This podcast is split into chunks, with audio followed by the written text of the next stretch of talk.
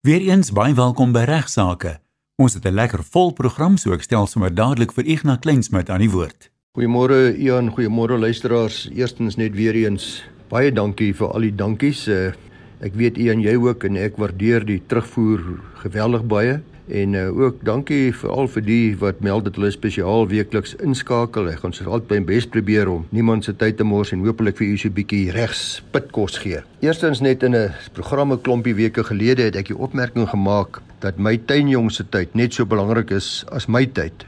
'n Luisteraar het hierop baie heftig gereageer en aangedui dat hy die woorde my tuinjong afstootlik en beledigend en selfs rassisties vind en hy dring aan op 'n verskoning asook verskeie ander eise teen verskeie partye. Ek het hom reeds meegedeel luisteraars dat dit belangrik is om te let op die konteks. Naamlik het ek gesê dat my tuinman se tyd net so belangrik is as myne en dis indirek dat ek myself nie belangriker ag as my tuinier nie.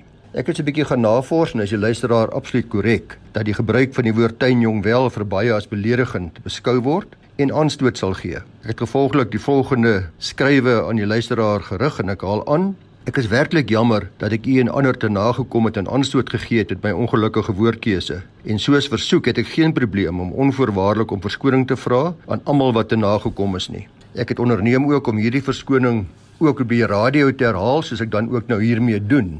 Ek moet ook net meld dat nog die prokureursorde van Suid-Afrika nog van Velden en Duffy ingelyf waar ek tot 5 jaar gelede 'n direkteur was, enige beheer het oor die inhoud van hierdie program. Ek tree totaal onafhanklik op en is nie met my deelname in diens van enige iemand nie. Die prokureursorde en van Vellendaffie ingelei distansieer hulle ook onomwonde van die gebruik van enige onaanvaarbare, beledigende of enige taalgebruik wat aanstoot gee aan enige persoon. So hiermee dus het ek weer my verskoning herhaal en wys dit maar net weer 'n versigtig mens moet wees met jou taalgebruik en soos jy weet het ek al talle kere daarteen gewaarsku op hierdie program. Vervolgens het ek 'n uh, lekker interessante navraag ontvang van Marie Hudson nou. Baie van u sal haar waarskynlik ken hier van RSG met die gesondheidsprogram en sy sê sy het drie vrae aan my. Eerstens, waarom word vernietiging of beskadiging van infrastruktuur, dis nou treine, treinspore, skole afbrand, koperkabels, afsaag van telefone, elektriese pale, hoekom word dit nie as terreurdade of terrorisme in die hof hanteer nie? En hoekom word die skuldiges nie as terroriste verhoor nie? Goeie vraag, Marie.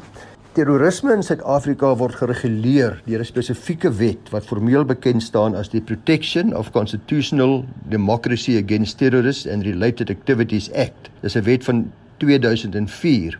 Hierdie wet bevat 'n baie lang definisie vir wat beskou word as 'n terroristiese aktiwiteit en sluit onder andere in enige daad wat beskou word as geweld wat die lewe van 'n ander in gevaar stel wat 'n risiko stel vir die veiligheid van die land of beskadiging van eiendom en die wet bevat ook 'n kwalifikasie op hierdie dade, naamlik die doelwit waarmee die oortreder hierdie dade pleeg. Die wet bepaal dat vir hierdie dade om beskou te word as 'n terreuraanval, moet dit gepleeg word met die doel om eerstens die eenheid en territoriale integriteit van die land in gedrang te plaas. Tweedens, gevoelens van intimidasie, onveiligheid, vrees, paniek of skrik te versprei in die publiek of onder die publiek en dan ook om die regering, die publiek of enige plaaslike of internasionale organisasie te forceer, intimideer, verplig of te dwing om enige daad te doen of te verhoed om enige daad te doen of om hulle standpunt of beginsels te verander.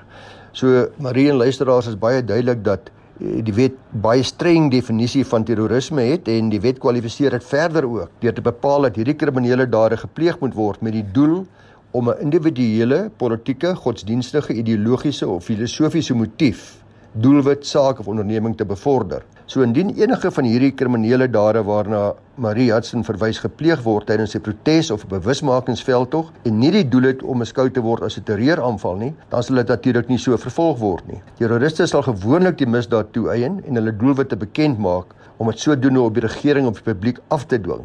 Hulle doelwit is dan om die regering omver te werp en beheer oor te neem en dan word dit duidelik terrorisme. So beskadiging van infrastruktuur op sy eie kan in beginsel selde vervolg word as terrorisme en net vervolg word mits die staat kan bewys dat die oortreding aan al die vereistes in die definisie van terroriste aktiwiteite voldoen. Saakbeskadiging so waarna ons luisteraar verwys sal egter nie voldoen aan die definisie nie en dis nie beskou word as terrorisme nie. Dan vra sy 'n volgende vraag: Wat kan belastingbetalers in 'n dorp doen as die munisipaliteit nie dienste lewer soos slaggate en paaie herstel nie, nie die hoëldienste in stand hou nie, nie infrastruktuur verbeter met om voldoende watervoorsiening te verseker nie, implemente soos grawe aankoop vir munisipale werkers en nie waterpompe herstel nie, nie skoon audits kry nie. Ag en so gaan sy aan, sy sê is daar dan nie 'n wet wat munisipaliteite moet nakom wat bepaal watter dienste hulle moet lewer nie?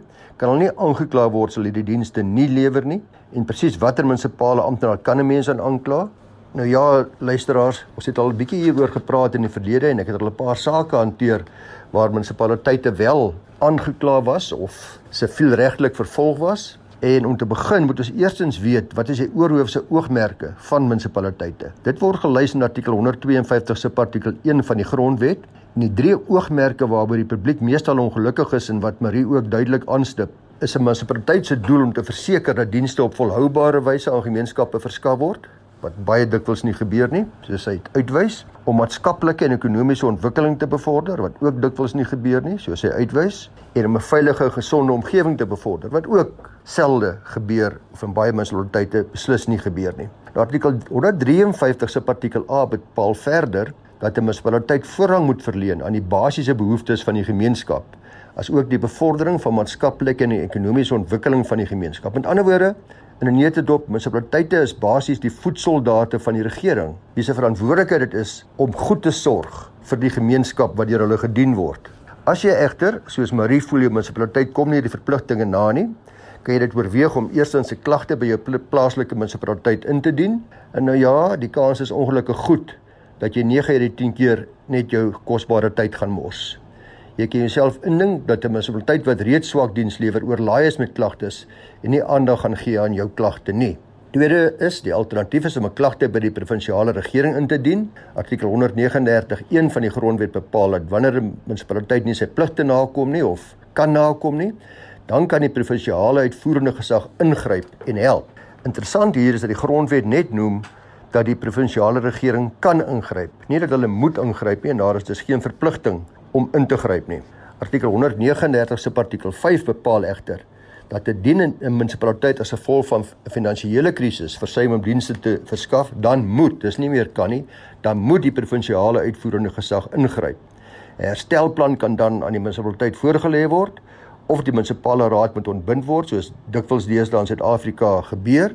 Uh indien die raad nie die reëls kan goedkeur wat nodig is nie of net die herstelplan kan uitvoer nie en indien die provinsiale uitvoerende gesag nie optree nie, moet die nasionale uitvoerende gesag dan ingryp terloops hierdie voormalige opsie is die een wat daar ook dik, dikwels 'n administrateur of die munisipaliteit word onder administrasie geplaas en baie keer is die administrateur ongelukkig ook nie juis kundig nie. En dan moet die nasionale uitvoerende gesag soms ingryp of 'n ander meer drastiese opsie is om die hof te nader vir verligting. Artikel 172 van die grondwet bepaal dat wanneer 'n hof oor 'n grondwetlike kwessie beslis, moet die hof enige optrede wat onbestaanbaar is met die grondwet ongeldig verklaar. Indien 'n hof dan oortuig is dat 'n munisipaliteit nie sy grondwetlike pligte nakom nie, dan moet die hof die plaaslike bestuur se gedrag ongeldig verklaar, soos bedoel in hierdie artikel, en verder kan die hof ook enige bevel maak wat regverdig en billik is. Dis hierdie meer drastiese opsie wat gelei het tot die ontbinding byvoorbeeld van die munisipale raad van die Makana munisipaliteit in die Oos-Kaap in die saak van Unemployed People's Movement versus Eastern Cape Premier and others. Dis 2020 saak. 2020 en hakies 3 SA 562 in die Oos-Kaap. Die Unemployed People's Movement het die hof hier genader as gevolg van die munisipaliteit se konstante versuim om dienste te lewer. Terloops daar was ook al ander sake. Ek herinner my is dit Sannie se hof of Swaziland ek kan nie onthou nie. Daar was ook ander wat hiervan sal onthou wat ons bespreek het op hierdie program. In hierdie geval het die Unemployed People's Movement beweer dat die munisipaliteit onder andere nie hulle grondwetlike pligte nakom soos vervat in artikel 152 se artikel 1 van ons grondwet nie. In die beslissing het die hof na verskeie vorige sake verwys en bevestig dat die magte wat ek nou-nou genoem het wat artikel 172 vir die grondwet aan howe verleen om enige bevel te maak wat regverdig en billik is, werklik so wyd is soos wat dit klink. Enige bevel te maak wat regverdig en billik is. Hof kan dus 'n verklarende bevel gee, 'n interdik verleen of selfs 'n nuwe remedie skep, solank daar verseker word dat die grondwet beskerm en toegepas word. In hierdie betrokke saak het die hof, soos u waarskynlik gelees het, besluit dat die munisipale raad van die Mekana munisipaliteit ontbind moet word en dat 'n nuwe raad dadelik verkies moet word.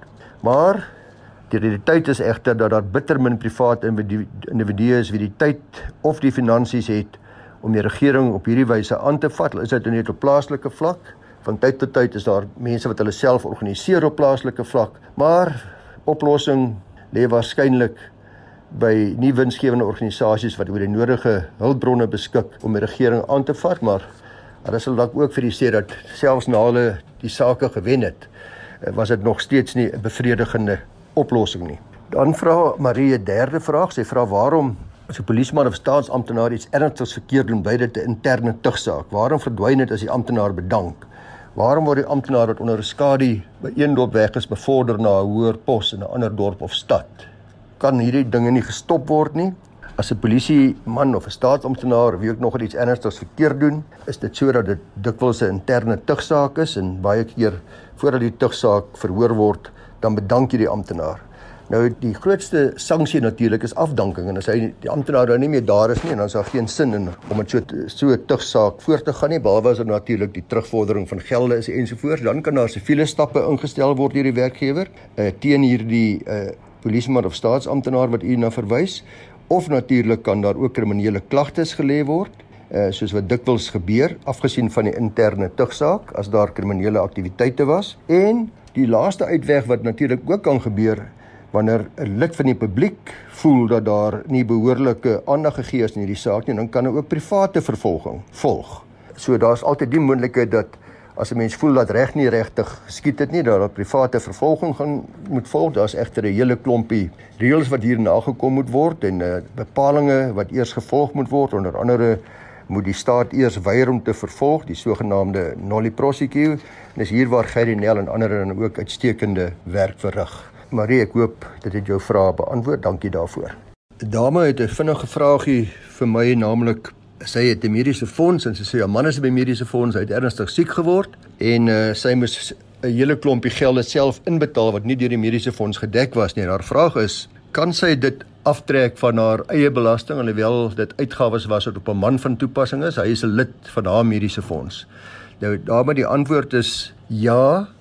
Dit geld ook vir kinders, gestremde kinders en almal wat wat u as hooflid op die mediese fonds het, maar Ek moet vir julle sê daar's ingewikkelde formules wat in aanmerking geneem word deur die ontvanger van inkomste deur SARS om te bereken wat presies watter deel u kan aftrek.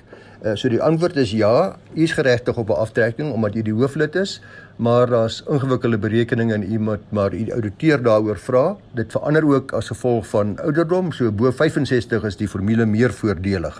In die tweede deel van vandag se program gesels ek na onder andere oor bure wat letterlik hulle neuse moes optrek vir hulle bure. 'n dame wat graag anoniem wil bly. Sy sê dan vir my vier vennote besit elkeen 25% aandeel in 'n industriële gebou vir die afgelope ongeveer 35 jaar. Die gebou is gekoop in 'n privaat maatskappy. Nou twee van daardie vier vennote wil nou graag van hulle aandele ontslaa raak. Hulle wil verkoop, veral weens ouderdom en gesondheidsredes sê sy, maar die ander twee vennote wil niks weet nie. Hulle stel nie belang om die twee ander vennote se aandele wat te koop is uit te koop nie, of hulle wil ook nie 'n geheel van die gebou wat hier betrokke is ontslaa raak nie, so hulle wil nie hulle wil hulle aandele net onveranderd behou. Dan sê hulle daar was 'n hele klompie aanbiedinge op die tafel van kopers, maar omrede die twee vennote nie van hulle aandeel wil ontslaa raak nie en ook nie die ander twee vennote se aandele wil uitkoop nie, kan geen aanbod aanvaar word nie want die kopers wil ook nie, hulle wil die volle gebou koop. So dan is die twee wat nou graag wil, soos hy wil noem, wil uitklim uit die vennootskap in 'n penarie wat staan hulle te doen? Sy sê daar's geen kontrak wat betref aandelehouding nie, dis daar's geen aandeelhouer ooreenkoms nie, behalwe dat almal gelyke dele besit. En hoe forceer 'n mens nou? Is eintlik maar die vraag, hoe dwing jy hierdie twee mense om hulle ander twee vennote te gemoet te kom om sodoende van hulle 50% aandele ontslae te raak? Nou soos die luisteraars nou al weet, gebruik ek dikwels uh, insette van verskillende kollegas in by verskeie firmas en voor die grendeltyd het ons dan ook dikwels spesialis prokureurs van verskeie firmas genooi om deel te neem. In hierdie geval het ek vir Janus Olivier by van Vell en Duffy gevra om my behulpsaam te wees. Dit klink vir die hand liggend want die ander aandeelhouers wat wil verkoop, moet eenvoudig hulle aandele verkoop. Maar die probleem is natuurlik en dis ook wat hierdie luisteraar dink ek ondervind, is dat bitter min kopers bereid is om net 'n gedeelte van 'n maatskappy te koop. Veral as die maatskappy net soos in hierdie geval een of twee eiendomme besit, want nou koop ek 'n aandeel saam met mense wat ek nie ken nie en wat ek nie weet of ek met hulle oor die weg gaan kom nie. So meeste kopers sal die volle aandelehouding wil koop. Dit is belangrik om te verstaan dat daar 'n beperking is op die oordrag van aandele van privaat maatskappye want artikel 8 van die maatskappywet dis 'n wet 71 van 2008 bepaal dat die oordraagbaarheid van 'n privaat maatskappy se sekuriteite, met ander woorde die aandele, in sy akte van oprigting beperk word. Indien daar geen so beperking is nie, is die maatskappy natuurlik 'n publieke maatskappy. Sy privaat maatskappy se aandeleoordrag is beperk en praktyk beteken dit dat bestaande aandeelhouers 'n voorkoopsreg het om aandele van ander aandeelhouers te koop.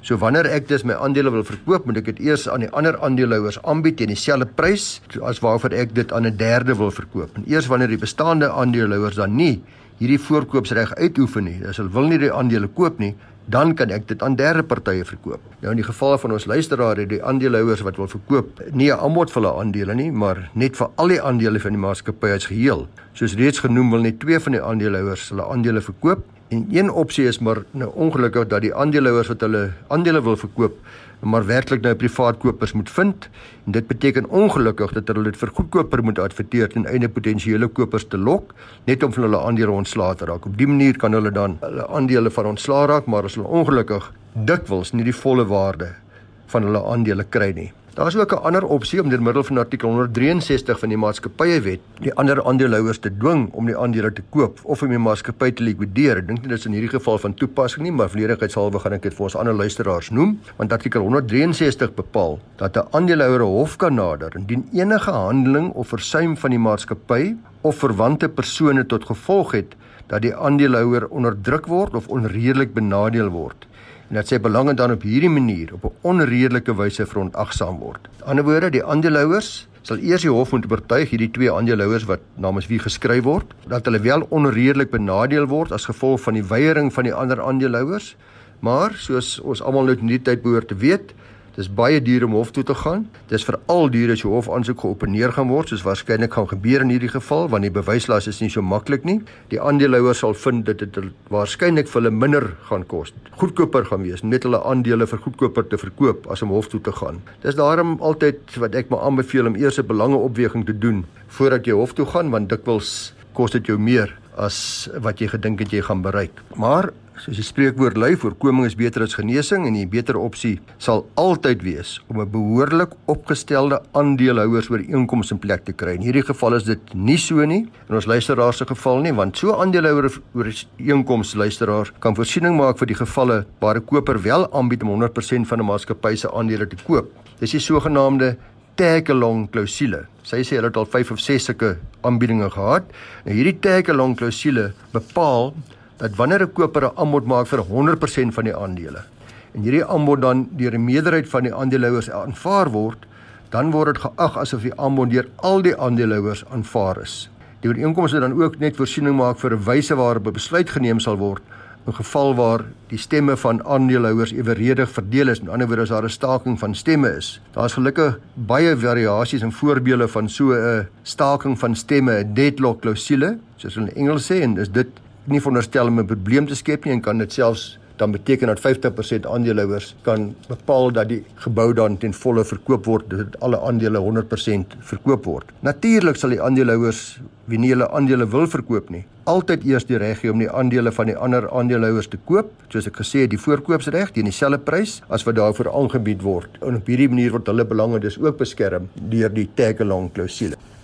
Luisteraars, ons kan ongelukkig nie altyd ons bure kies nie. En dit veroorsaak dikwels dat ons osself in situasies bevind waarin ons nie wil wees nie. Dit was dan ook die geval in 'n baie interessante hofsaak, naamlik Jacobs en O en ander teen Hilton Grange en ons beperk en ander hier in 2020 waar die applikant se bure sampioen boere was.